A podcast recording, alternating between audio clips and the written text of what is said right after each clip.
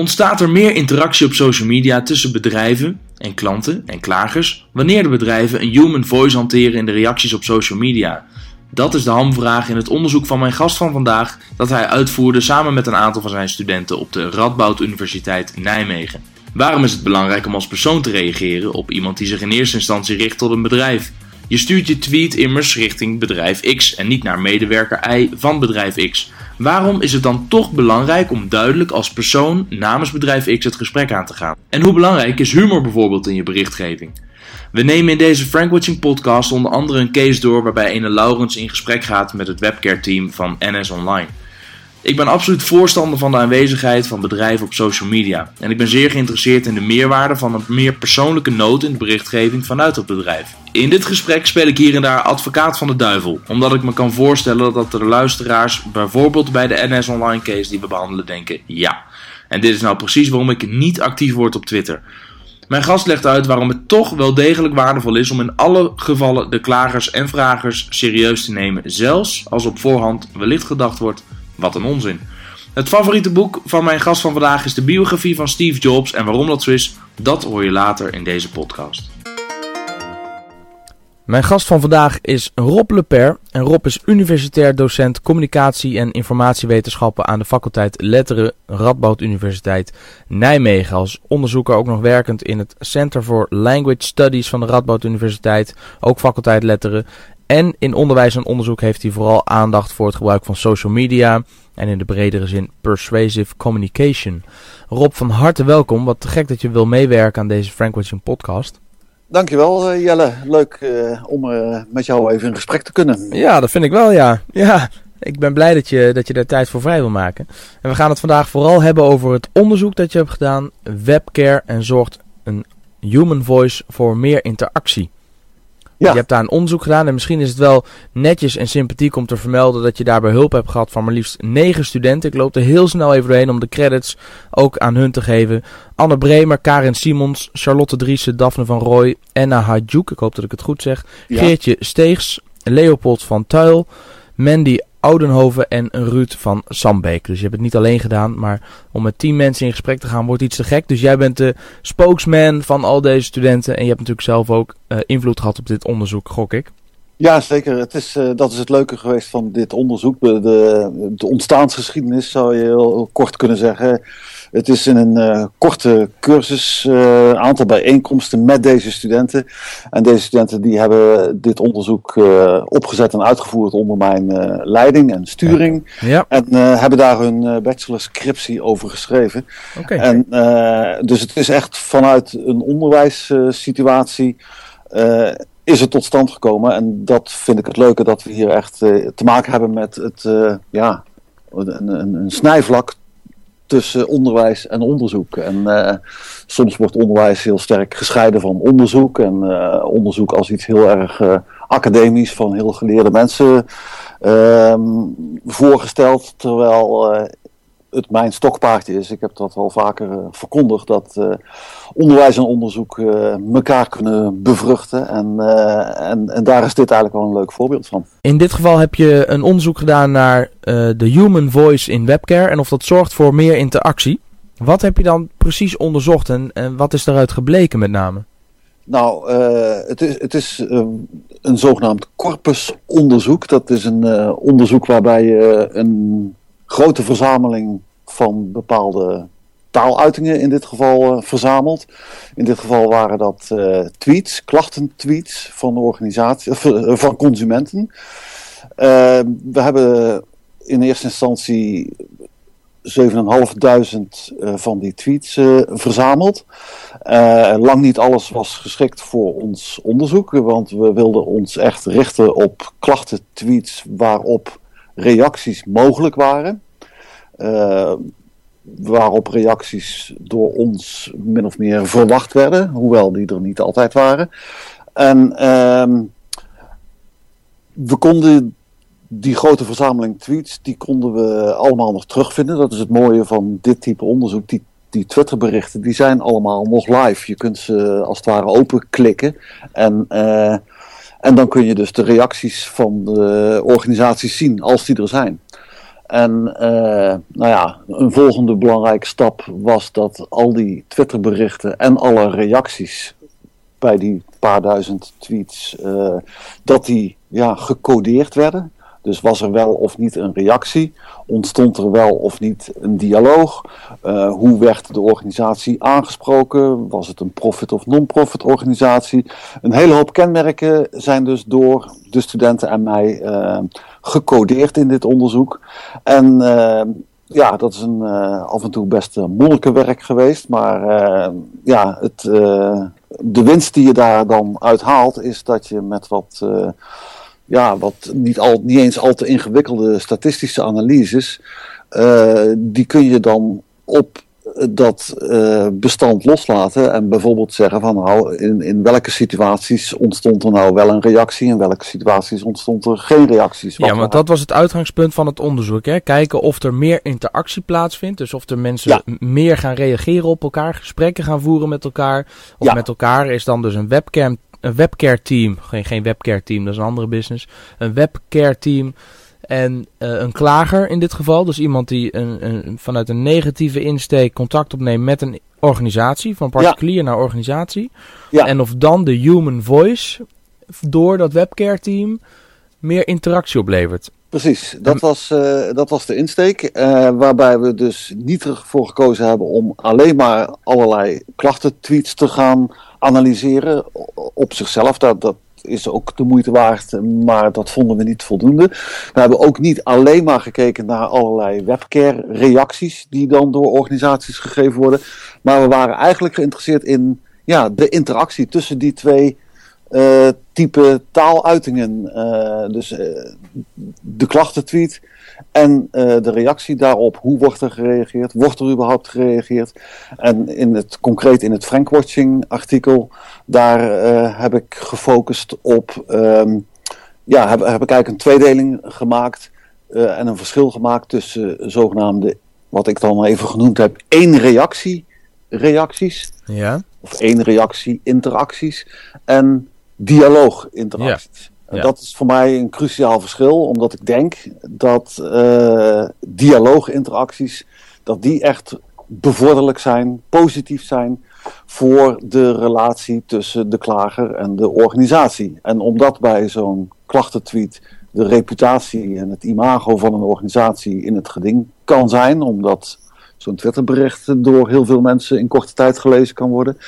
Um, ja, leek het mij heel relevant om na te gaan uh, welke factoren nou van invloed zijn op um, het succes van die interactie, dialogen. Dus meer dan die één reactie kwesties. Nou, dat, dat onderscheid, dat heb ik duidelijk kunnen maken en, uh, in, in dat Frank Watching artikel. En wat heeft dat dan voor een inzicht uh, opgeleverd? Wat is eruit gebleken uit het onderzoek? Um, nou, je moet altijd oppassen met uh, te veel conclusies te willen trekken die je misschien niet helemaal waar kan maken. Dus ik heb me echt gehouden aan welke data hebben welke informatie opgeleverd.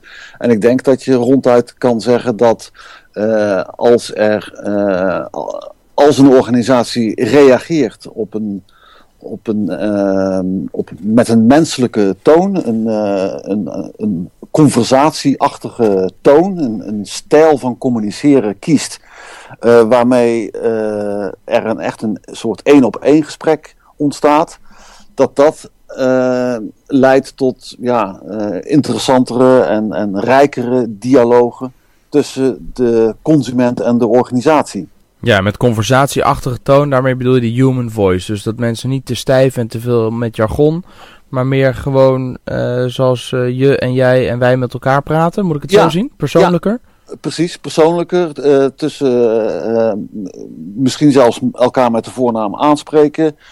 je en jij en niet u gebruiken. Maar vooral is aan het licht gekomen in dit onderzoek dat een organisatie heeft in 9 van de 10 of misschien al in 99 van de 100 gevallen is zo'n webcare team.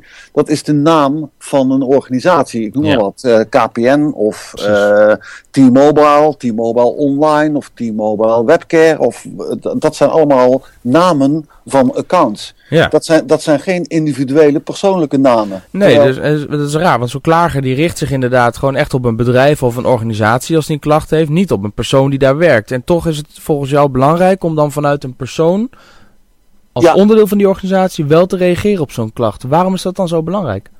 Uh, ik denk dat het heel belangrijk is omdat het uh, past in een uh, tendens die er eigenlijk al een paar jaar aan de gang is. En die tendens die is naar mijn idee dat de tijd van eenzijdige business-to-consumer communicatie, dat, dat die voorbij is.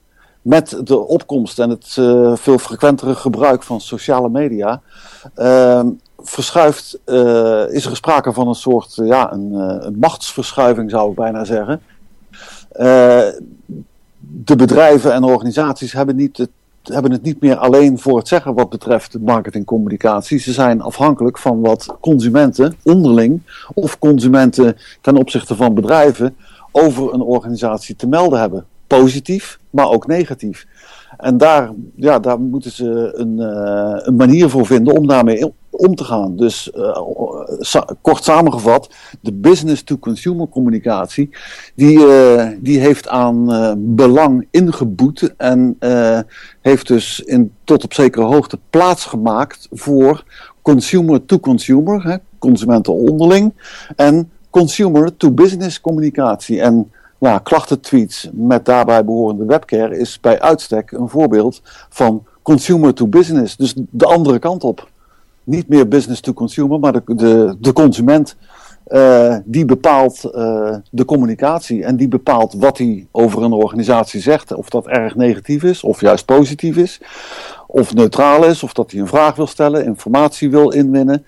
Uh, en daar zal het bedrijf op moeten reageren. Dus niet meer zelf actief het initiatief hebben, maar zal moeten reageren op wat consumenten zeggen. Ja, en hoe interactiever, hoe beter. Geen standaard antwoorden. Dat is gebleken uit een onderzoek van de gemeente Amsterdam. Uh, die deed een onderzoek naar de tevredenheid van burgers over het gebruik van social media door de gemeente. wat was de aanleiding voor jou om op deze manier ook nog een keer het onderzoek in te steken?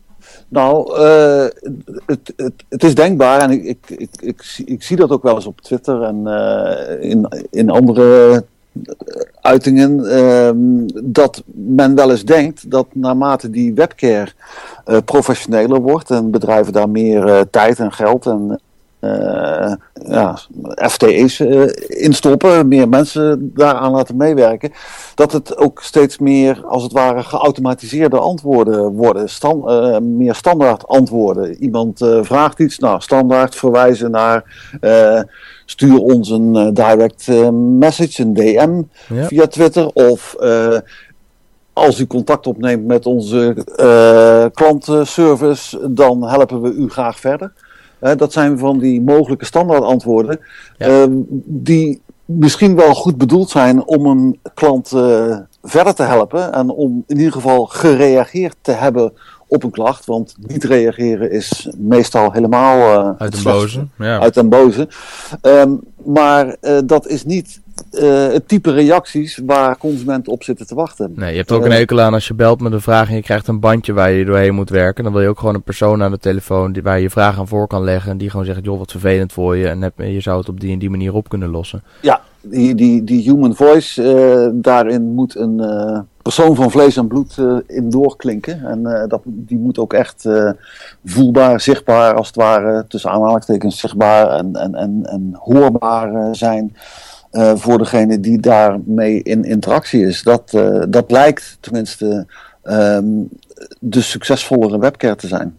Ja, want je zegt ook, uh, je hebt onderzocht in welke mate de human voice zichtbaar is in webcare reacties en of de strategie personaliseren bijdraagt aan het genereren van een interpersoonlijke dialoog. En we kunnen ja. stellen dat uit je onderzoek is gebleken dat dat zo is, toch?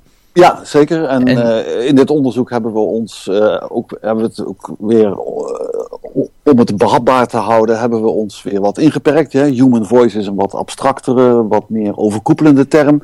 En wij zijn dus, die studenten met mij, we zijn op zoek gegaan naar van nou, wat zijn nou in, dit, in het kader van dit onderzoek onderzoekbare elementen die een wel of niet een belangrijk onderdeel, bestanddeel van die human voice zijn. En toen zijn we op dat personaliseren uitgekomen. Hè? Dus dat human voice wordt, uh, dat, dat is eigenlijk een veel breder begrip.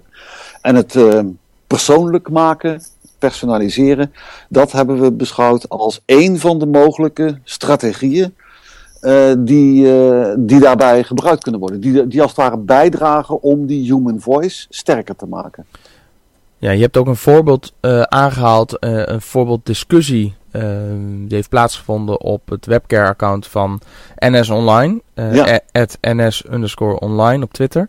Ja. En kun je daar wat over vertellen? En kun je, kun je dat voorbeeld ook hier noemen en wat daarin goed ging en wat daar minder goed ging, eventueel? Ja, ja, ja. Nou, ik heb dat voorbeeld expres gekozen uh, toen ik het uh, wat uitgewerkt had en verder wat gedetailleerder uh, geanalyseerd had. Toen kwam ik aanvankelijk tot het idee van ja, maar is dit nou echt zo'n heel karakteristiek en sprekend voorbeeld voor een echte serieuze klacht waarop, waarop een adequate reactie nodig is? En toen dacht ik eigenlijk eventjes van, nou, misschien is de klacht niet zo heel erg serieus. Wat was de klacht? De klacht uh, was uh, niet zozeer, ja, een wat impliciet geformuleerde klacht. Iemand uh, vroeg: uh, waarom is er eigenlijk naast een stiltecoupé nog niet een praatcoupé? Dus dat, ja, dat, dat zou een klacht kunnen zijn van ja, die stiltecoupé is wel leuk, maar ik wil, ik wil een praatcoupé.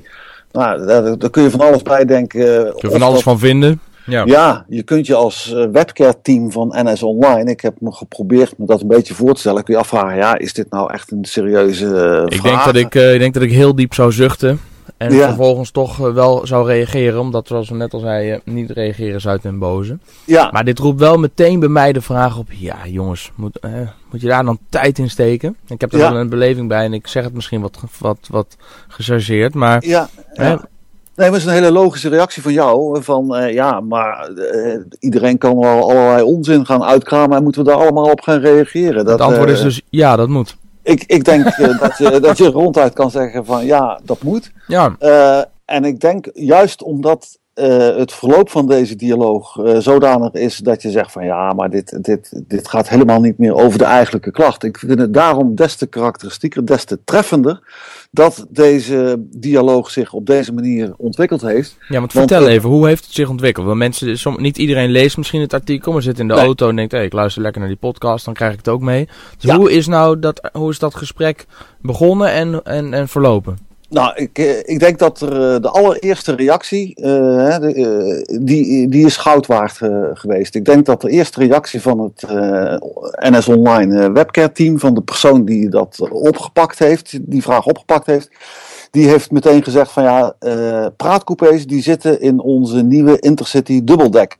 En ze heeft daarbij een, een, link geplaatst naar een filmpje, en dat is een aardig filmpje over die nieuwe Intercity dubbeldekker.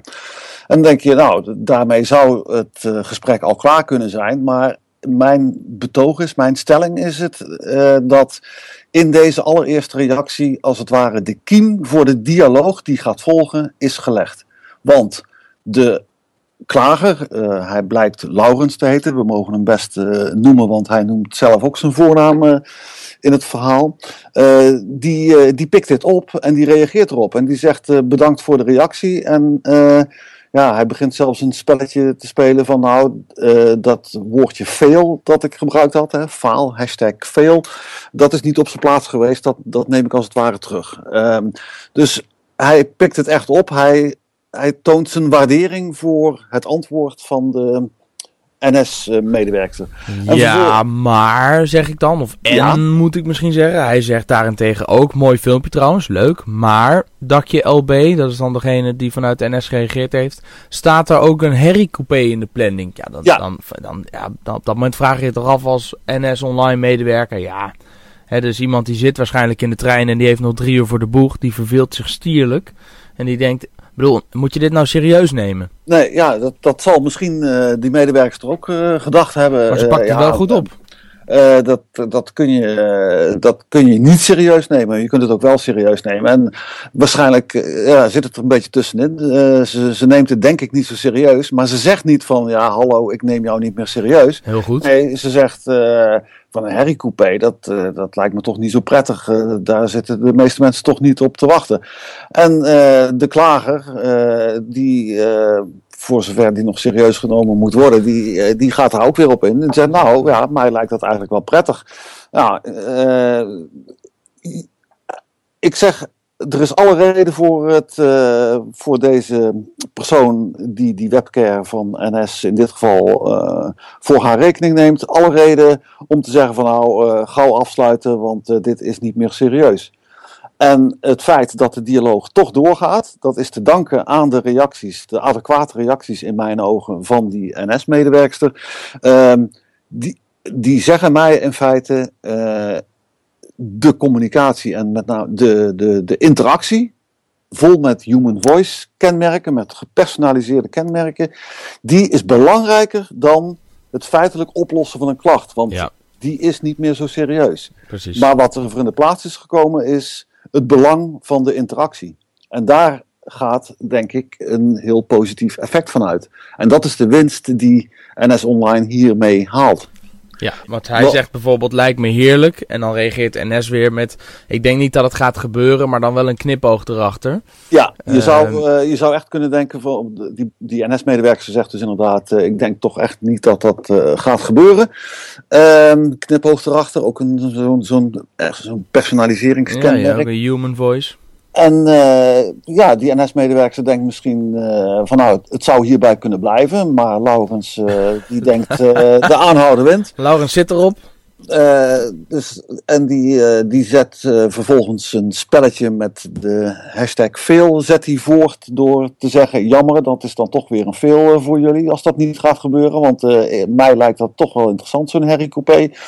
En de NS-medewerker zegt daarop, nou ja, jammer dat je er zo over denkt. En ze houdt zelfs een kleine opening als het ware naar de toekomst open. Wellicht is het iets voor in de toekomst. En in ieder geval, ze bedankt hem zelfs voor het meedenken. Ze zal misschien bij zichzelf gedacht hebben van ja, eh, hoezo meedenken? Maar dat, dat houdt ze voor zich en ze bedankt, ja, ze blijft als het ware beleefd voelt zich niet in de zijk gezet of wat dan ook. En, uh, en, en, bedankt hem voor het mee, meewerken. En dan, nou ja, dan lijkt de dialoog zich af te sluiten. Oké, bedankt, werk ze nog. Ja, uh, prettige dag uh, verder.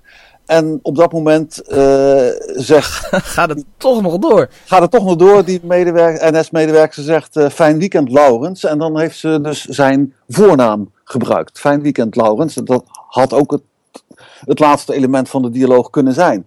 Maar uh, Laurens die denkt van, hé, hey, ik word hier bij, bij mijn voornaam aangesproken, personaliseren.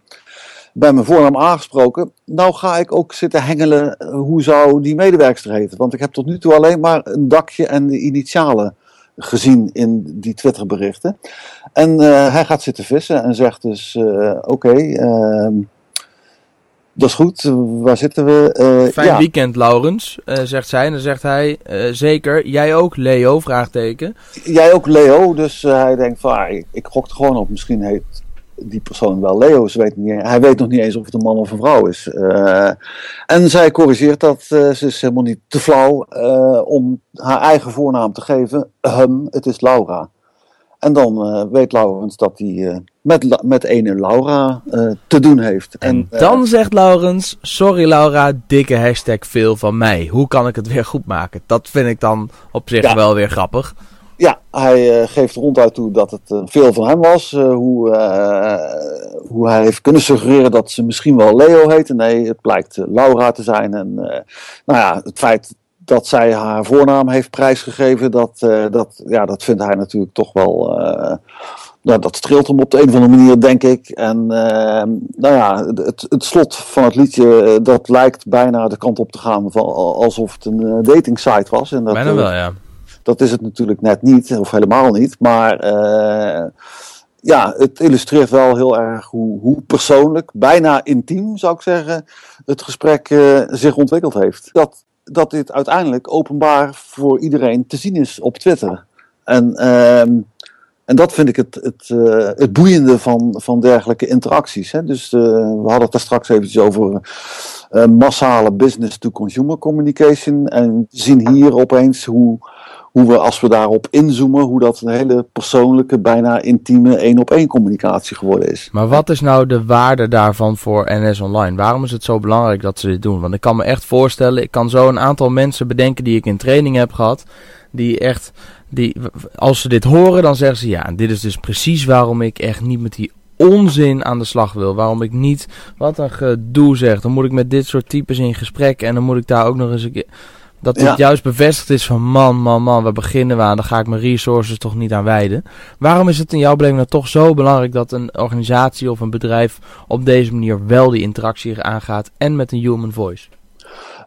Omdat ik denk dat uh, wanneer je hier niet of veel korter, uh, zakelijker uh, op zou reageren, dat dan uh, wel eens de indruk zou kunnen ontstaan dat, uh, dat je als consument wordt afgescheept uh, met je vragen. En ja, ik, we zeiden daar straks al, we moeten niet vergeten dat het hier niet om een hele ernstige, serieuze klacht gaat. maar wat er blijft hangen bij bij de consument en bij iedereen die dit kan lezen, is dat, dat de NS zijn klanten serieus neemt en er graag mee in gesprek gaat om wat voor problemen dan ook uh, op een zo prettig mogelijke manier op te lossen. En uh, die uitstraling, dat, dat willen uitstralen, dat is de winst die NS Online hiermee uh, behaalt. En, en, en, in, en dat kan dus uiteindelijk een hele positieve effect hebben op, ja, op de reputatie van de organisatie. Ja, precies. Want ook als mensen bellen, dan hebben ze soms uh, onzin of onzinvragen. Het is even, laat ik in het midden of dit dan onzin is. Ja. Maar ook als mensen bellen naar je klantenservice, dan hebben ze soms vragen die wat minder relevant lijken. Laat ik het dan zo omschrijven. En ja. mensen die binnenlopen op je loket, of in je, bij je loket, die zullen ook soms vragen hebben of een gesprek proberen aan te knopen waar je niet direct het nut van inziet als uh, uh, medewerker. Ja. Maar waarbij het grote verschil is, zeg jij, dat dit publiekelijk is en de hele wereld in dit geval kan meekijken hoe jij dan omgaat met zo'n uh, klager in dit geval. Ja. En ja. dat je dus kunt laten zien dat je het belangrijk vindt wat iemand vindt. En dat je mensen niet over één kam scheert en iedereen serieus neemt zolang ze netjes en beleefd blijven. Precies, we hebben in dat onderzoek, uh, wat we dus de afgelopen maanden uh, gevoerd hebben, uitgevoerd hebben, en die studenten ook, ja, die hebben elk afzonderlijk uh, ook uh, honderden tweets uh, verzameld en bestudeerd en daar ook tijdens de bijeenkomsten verslag van gedaan. En het komt heel erg veel voor ook, dat is niet een uitzondering, dat dat iemand helemaal niet tevreden is over het contact met een organisatie. Dus het, het, het, de spin-off, als het ware, van een klachtentweet waarop of niet gereageerd wordt, of veel te kort gereageerd wordt, of niet adequaat genoeg gereageerd wordt, of misschien niet persoonlijk genoeg gereageerd wordt, dat is op zich alweer aanleiding voor een nieuwe klachtentweet die de hele wereld zou kunnen zien. Namelijk, uh, nou, die webcare van, ik noem maar wat, een bedrijf, organisatie X of een bank Y, uh, die, uh, die deugt ook niet. Uh, ze laten me gewoon in de kou staan. Of ze reageren niet eens. Of um, drie dagen geleden al een, een, vraag netjes geformuleerd en na drie dagen nog steeds geen reactie gekregen. Of na drie dagen zeggen ze van ja, controleert u even of de stekker wel in, de, in het stopcontact zit. Of, hè, dus dan de communicatie op zichzelf is ook vaak weer onderwerp van klachten. En uh, dus dan uh, gaat het niet eens meer om de eigenlijke klacht, maar om een soort afgeleide klacht, namelijk die of die organisatie, die reageert helemaal niet, of niet serieus, of niet adequaat op, op mijn klachten. En dat is dan, uh, consumenten kunnen alles roepen. En, en is dan weer een nieuwe aanleiding ja, voor een nieuwe klacht. En of die terecht is of niet, ehm, dat doet er niet zoveel toe, want het gebeurt. En dat is waar bedrijven mee te maken hebben. Ja, ja. Ik, zal, ik heb het, dan, het voorbeeld al een keer eerder aangehaald. Uh, de, de, manier waarop de ABN AMRO Bank reageerde op een tweet van mij om, nou, kwart over nee, kwart voor twaalf s'nachts op Koninginnennacht. Ik zal het hele voorbeeld niet nog een keer aanhalen, maar ik zal, het, ehm, ik zal er een blogpost over schrijven op mijn eigen website jellodrijver.nl. Ja. ik zal er een linkje, linkje in de omschrijving plaatsen. Waarbij ik, ik weet nu nog dat die dame die toen reageerde, dat zij Debbie heette. En dat ze mij om vijf minuten over twaalf opbelde uh, uiteindelijk om mij te helpen bij uh, de vraag die ik had. Ja. En waarbij dat dan de particuliere afdeling was. En ik had ook nog een vergelijkbare vraag voor de zakelijke uh, afdeling. Maar die was op dat moment gesloten, om kwart over uh, twaalf s'nachts op Koninginnennacht. Ja. Dus toen werd ik maandag werd ik via Twitter weer benaderd door een collega van de zakelijke afdeling. En die zei ook, uh, best Jelle, graag willen contact met je opnemen. Want ik heb van Debbie begrepen dat je dat en dat wil. En oh ja, vergeet niet om het, om het geluid van je telefoon aan te zetten. Dan kan ik je bellen. Ja. Want toen Debbie voor het eerst belde, s'nachts stond het geluid al op stil. Oh, dus, dus daar bleek ook nog eens uit dat die afdelingen wel onderling gewoon prima overleggen en communiceren met elkaar. Ja. Nou ja ik, ik was echt um, flabbergasted door de manier waarop zij ermee omgingen. En dat maakt ook dat ik in elke training of lezing die ik geef, laat ik die conversatie zien. Uh, ter inspiratie voor anderen. Dus dat is ook nog eens een keer dikke exposure voor, uh, voor de ABN. Uh, gewoon door dat gesprek op een goede persoonlijke manier uh, op te vatten. En het feit dat ik nog weet dat die dame Debbie heet, dat zegt al, zegt al een hoop, denk ik. Ja, zeker. Uh, dat is ook wat bij jou zal blijven hangen. Ik ben op, uh, neem ik aan tenminste, ik, ik ben op een, op een persoonlijke, individuele manier geholpen. En, zeker. ja, en het tijdstip maakte natuurlijk ook, het maakte ook dat ik echt heel verbaasd was. Ja, maar ik merk nu zelfs in dit gesprek, merk ik aan je hoe hoe positief je hiervan onder de indruk was. Ja, zeker. Ja. Maar ook, eh, je hebt over de human voice. De reactie van de ABN op mijn vraag was ook... Uh, uh, ik vroeg, is het, hoe kom ik aan een pas met een near-field communication? Waarop zij reageerde met... dat is super handig zo'n pas. ik kan je hier nu nog even over bellen... maar misschien sta je ergens feest te vieren. Nou, ja. dakje, dakje Debbie. Ja. ja, briljant. Nee hoor, ik ben, ik ben al thuis, dus bel maar. En daar ging de telefoon. Ja, dat is echt... Ja, dat Vind ik, daar ben ik inderdaad heel positief van onder de indruk, ja. Ja, ja, ja. Oké, nou ben ik benieuwd misschien dat er partijen zitten te luisteren en denken... Oké, de human voice moeten we gaan doorvoeren. Ehm, hoe moet ik daar dan mee aan de slag? Welke stappen zou je organisaties aanraden om te nemen of te ondernemen... als ze met een human voice willen communiceren op social media? Ja, um, nou, ik denk dat het heel belangrijk is dat er een, uh, een professionele communicatiedeskundige... Uh, in ieder geval een tijdje ja, meekijkt of een, of een paar bijeenkomsten organiseert of een workshop uh, organiseert. Want uh, dit is absoluut niet, hiervoor bestaat niet een pasklaar uh, recept. je kunt niet zeggen van nou, maak af en toe eens een grapje, dat komt ook prettig over. Of, ehm, ja, want hoe belangrijk is humor in je, in je berichtgeving?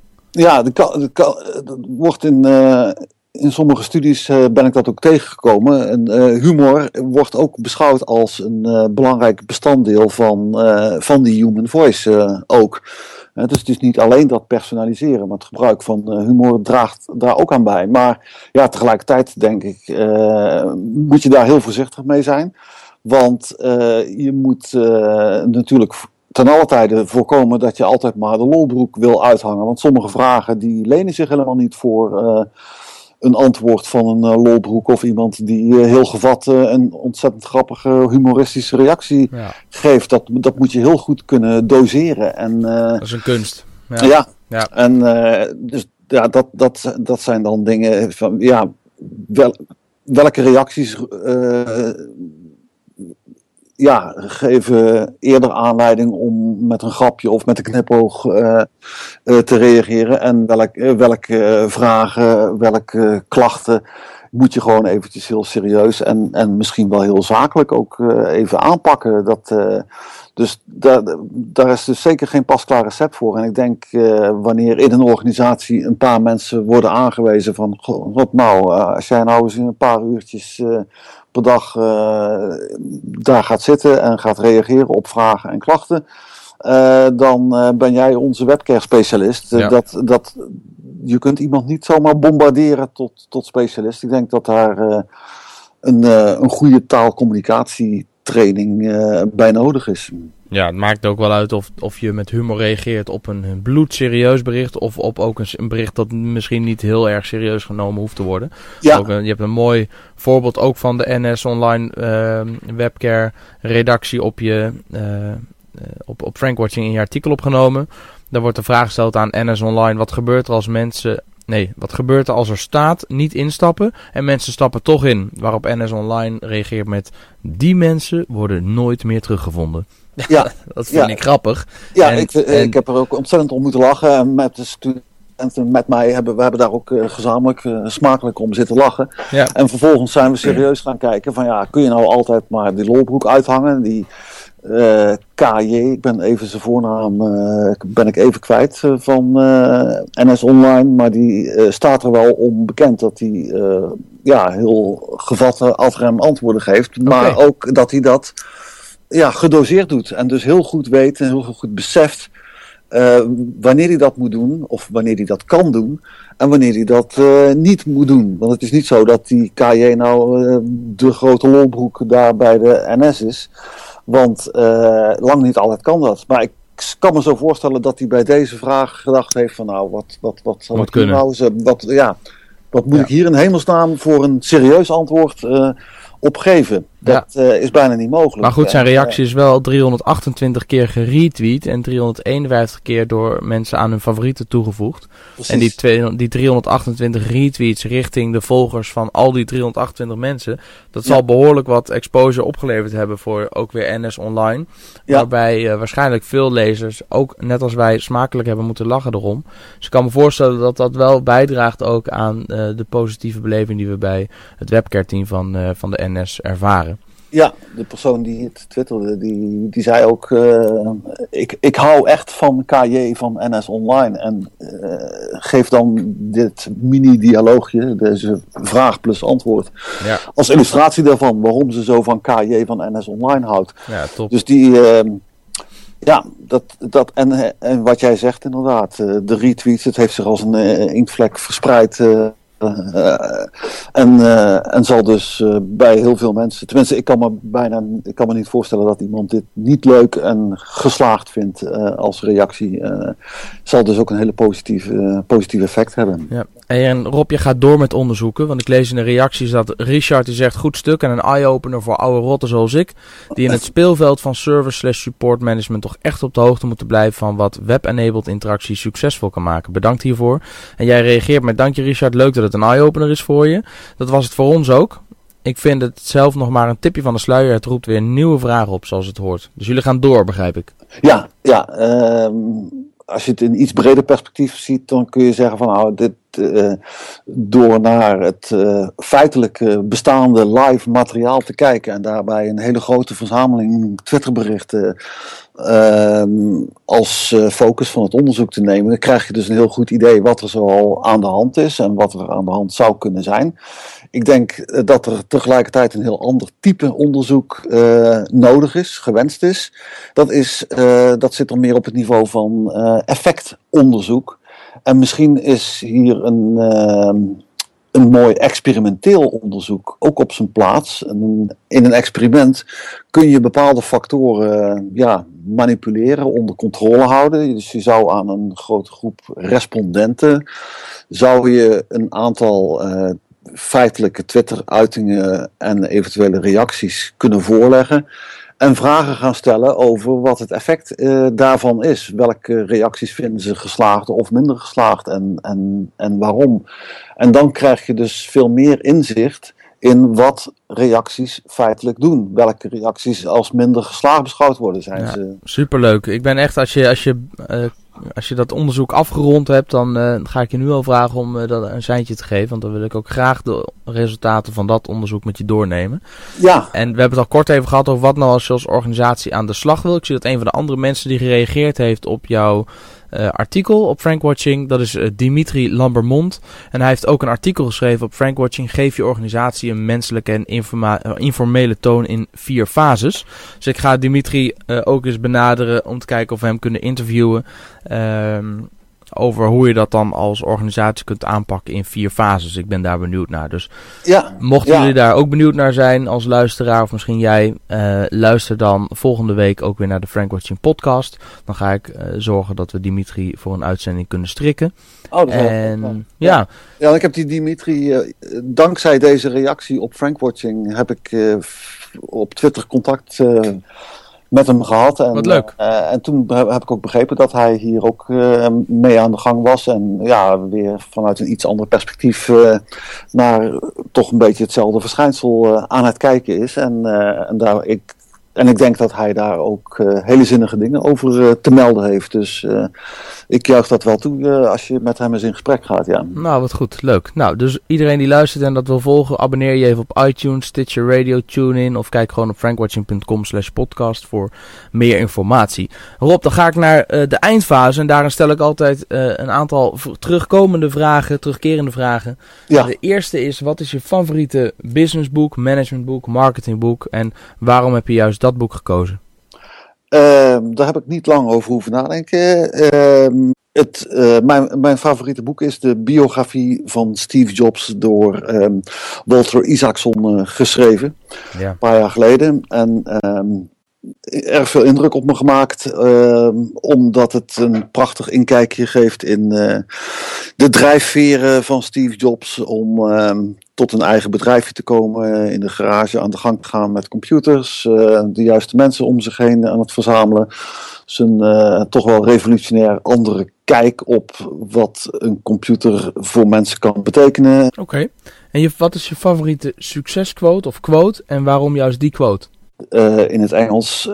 The interface is in some ways a conversation with a user about a task or experience. Dus de, de interface van een toepassing is vanuit communicatieperspectief te beschouwen als, ja, dan is de interface een gesprekspartner die met jou een conversatie voert over de taken die je te doen hebt met die toepassing en de experience, de ervaring die je daarbij hebt. En waarom vind je nou juist dat zo mooi, Rob?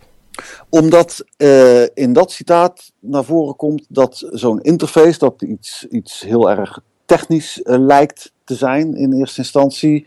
Uh, je kunt op knopjes drukken, je kunt op een iPad kun je naar links en naar rechts vegen, je kunt dingen aanklikken. Je hebt een muis als onderdeel van een interface. Dus het lijkt een, uh, een, een puur technische aangelegenheid. Maar in feite, bij het omgaan met een computer, um, is die computer en die interface, het beeldscherm, is als het ware in interactie met jou. En uh, je voert, een beetje metaforisch gesproken, je voert een gesprek, een conversatie met, uh, met die computer over wat je te doen hebt. En ik denk dat dat voor, uh, voor allerlei vormen van communicatie, voor de doelen die uh, zo'n interface heeft, uh, beslissend kan zijn. Wanneer uh, ik gebruik zelf regelmatig een, een, een fitness app, een running app.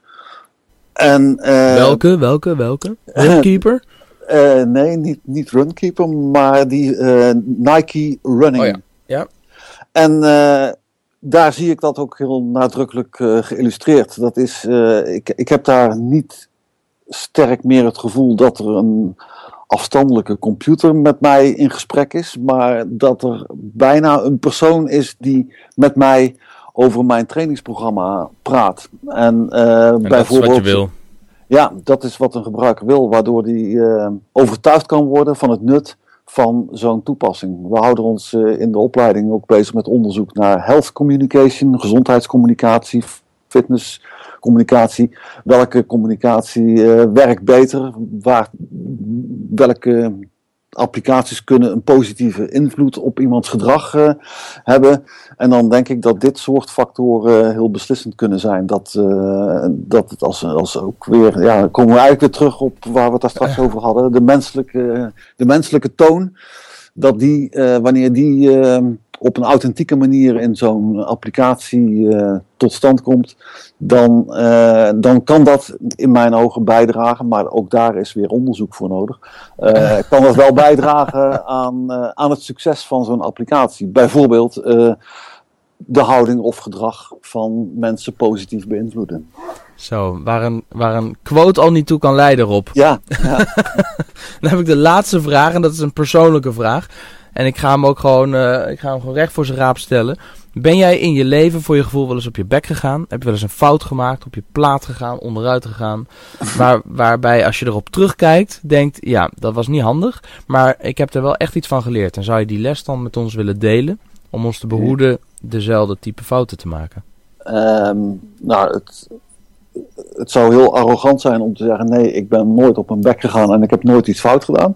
Dus dat, ga ik, eh, dat antwoord ga ik zeker niet uh, geven. Nou, sportief, ik voel een mooi verhaal aankomen. dus uh, nou, waar ik dan eigenlijk snel aan moet denken, dat is uh, iets ehm, in de persoonlijke sfeer geweest. Ehm, mijn vader heeft ooit een een klein boekje, niet, niet, niet eh, gepubliceerd, maar in, ja, in familiekring heeft hij dat uh, verspreid. En daarin vertelt hij over zijn, zijn jeugd, vanaf zijn geboorte totdat hij een jonge man was, over zijn jeugd in Philipsdorp in Eindhoven. Een arbeidersbuurt die nog steeds bestaat en uh, pal tegen het uh, PSV-stadion aan ligt. Nou, dat, in dat boekje daar komt een, een gebeurtenis voor waarin mijn vader persoonlijk contact had met Frits Philips senior, de, de grote baas, de man die Eindhoven groot heeft gemaakt. Mijn vader heeft die man verder niet persoonlijk heel goed gekend, maar hij heeft er wel één keer een heel belangrijk, voor hem persoonlijk belangrijk contact mee gehad. En uh, ik heb dat boekje van mijn vader uh, ook. Uh, mijn vader is op een gegeven moment uh, overleden. En, en ik had dat boekje, was voor mij een heel dierbare herinnering. En in het PSV-stadion, waar ik nog wel eens naartoe ging en nog steeds ga, daar zag ik Frits Philips ook regelmatig zitten, de oude Frits Philips. Uh, ik heb toen wel eens met de gedachte gespeeld om hem uh, te laten zien wat mijn vader uh, over zijn jeugd en over Philips en over Philipsdorp en over PSV geschreven heeft. Maar ik heb dat nooit gedaan. Ik, ben nooit, ik heb nooit het lef gehad om op Frits Philips senior af te stappen. Wat zonde. Ja, en Frits Philips is toen hij net 100 was geworden, 100 jaar uh, oud. Toen is uh, Philips ook overleden. En uh, nou ja, mijn vader was ook al overleden. Toen za zag ik, er was een soort ereplaats, een erestoeltje in het PSV-stadion, waar niemand anders op mocht zitten behalve de familie van Frits Philips. En dat was zijn zoon, Frits Philips junior. Kijk. En die zag ik daar regelmatig zitten. Van, kijk, die, dat is, zijn zoon heeft als het ware het stokje van zijn vader overgenomen als als de oer-PSV-supporter. En uh, toen heb ik op een gegeven moment uh, de stoute schoenen aangetrokken en ben op Frits Philips junior afgestapt. En heb hem kort verteld dat mijn vader wel eens wat opgeschreven had. Uh, een verhaaltje geschreven had waarin zijn vader, Frits Philips senior, een belangrijke rol uh, speelde. En, uh, en, en, misschien dat hij dat wel leuk vond om eens te lezen. En ik heb hem dat toen gegeven. En dat uh, heeft hij enorm gewaardeerd. Hij heeft me korte tijd later een brief, mooie brief gestuurd. En, en ja, bedankt voor het inkijkje dat mijn vader gegeven had in dat boekje. Het inkijkje in, in het leven in Philipsdorp. En uh, hij schreef daar toen ook bij dat, dat, dat hij het ook erg mooi vond dat het contact tussen hem en mij, Frits Philips junior en, uh, en, en mijzelf, dat dat eigenlijk tot stand was gekomen via zijn vader en mijn vader, die allebei op dat moment niet meer leefden. En, ja. uh, dus die hebben eigenlijk na hun leven hebben zij indirect gezorgd voor het contact tussen mij en Frits Philips junior.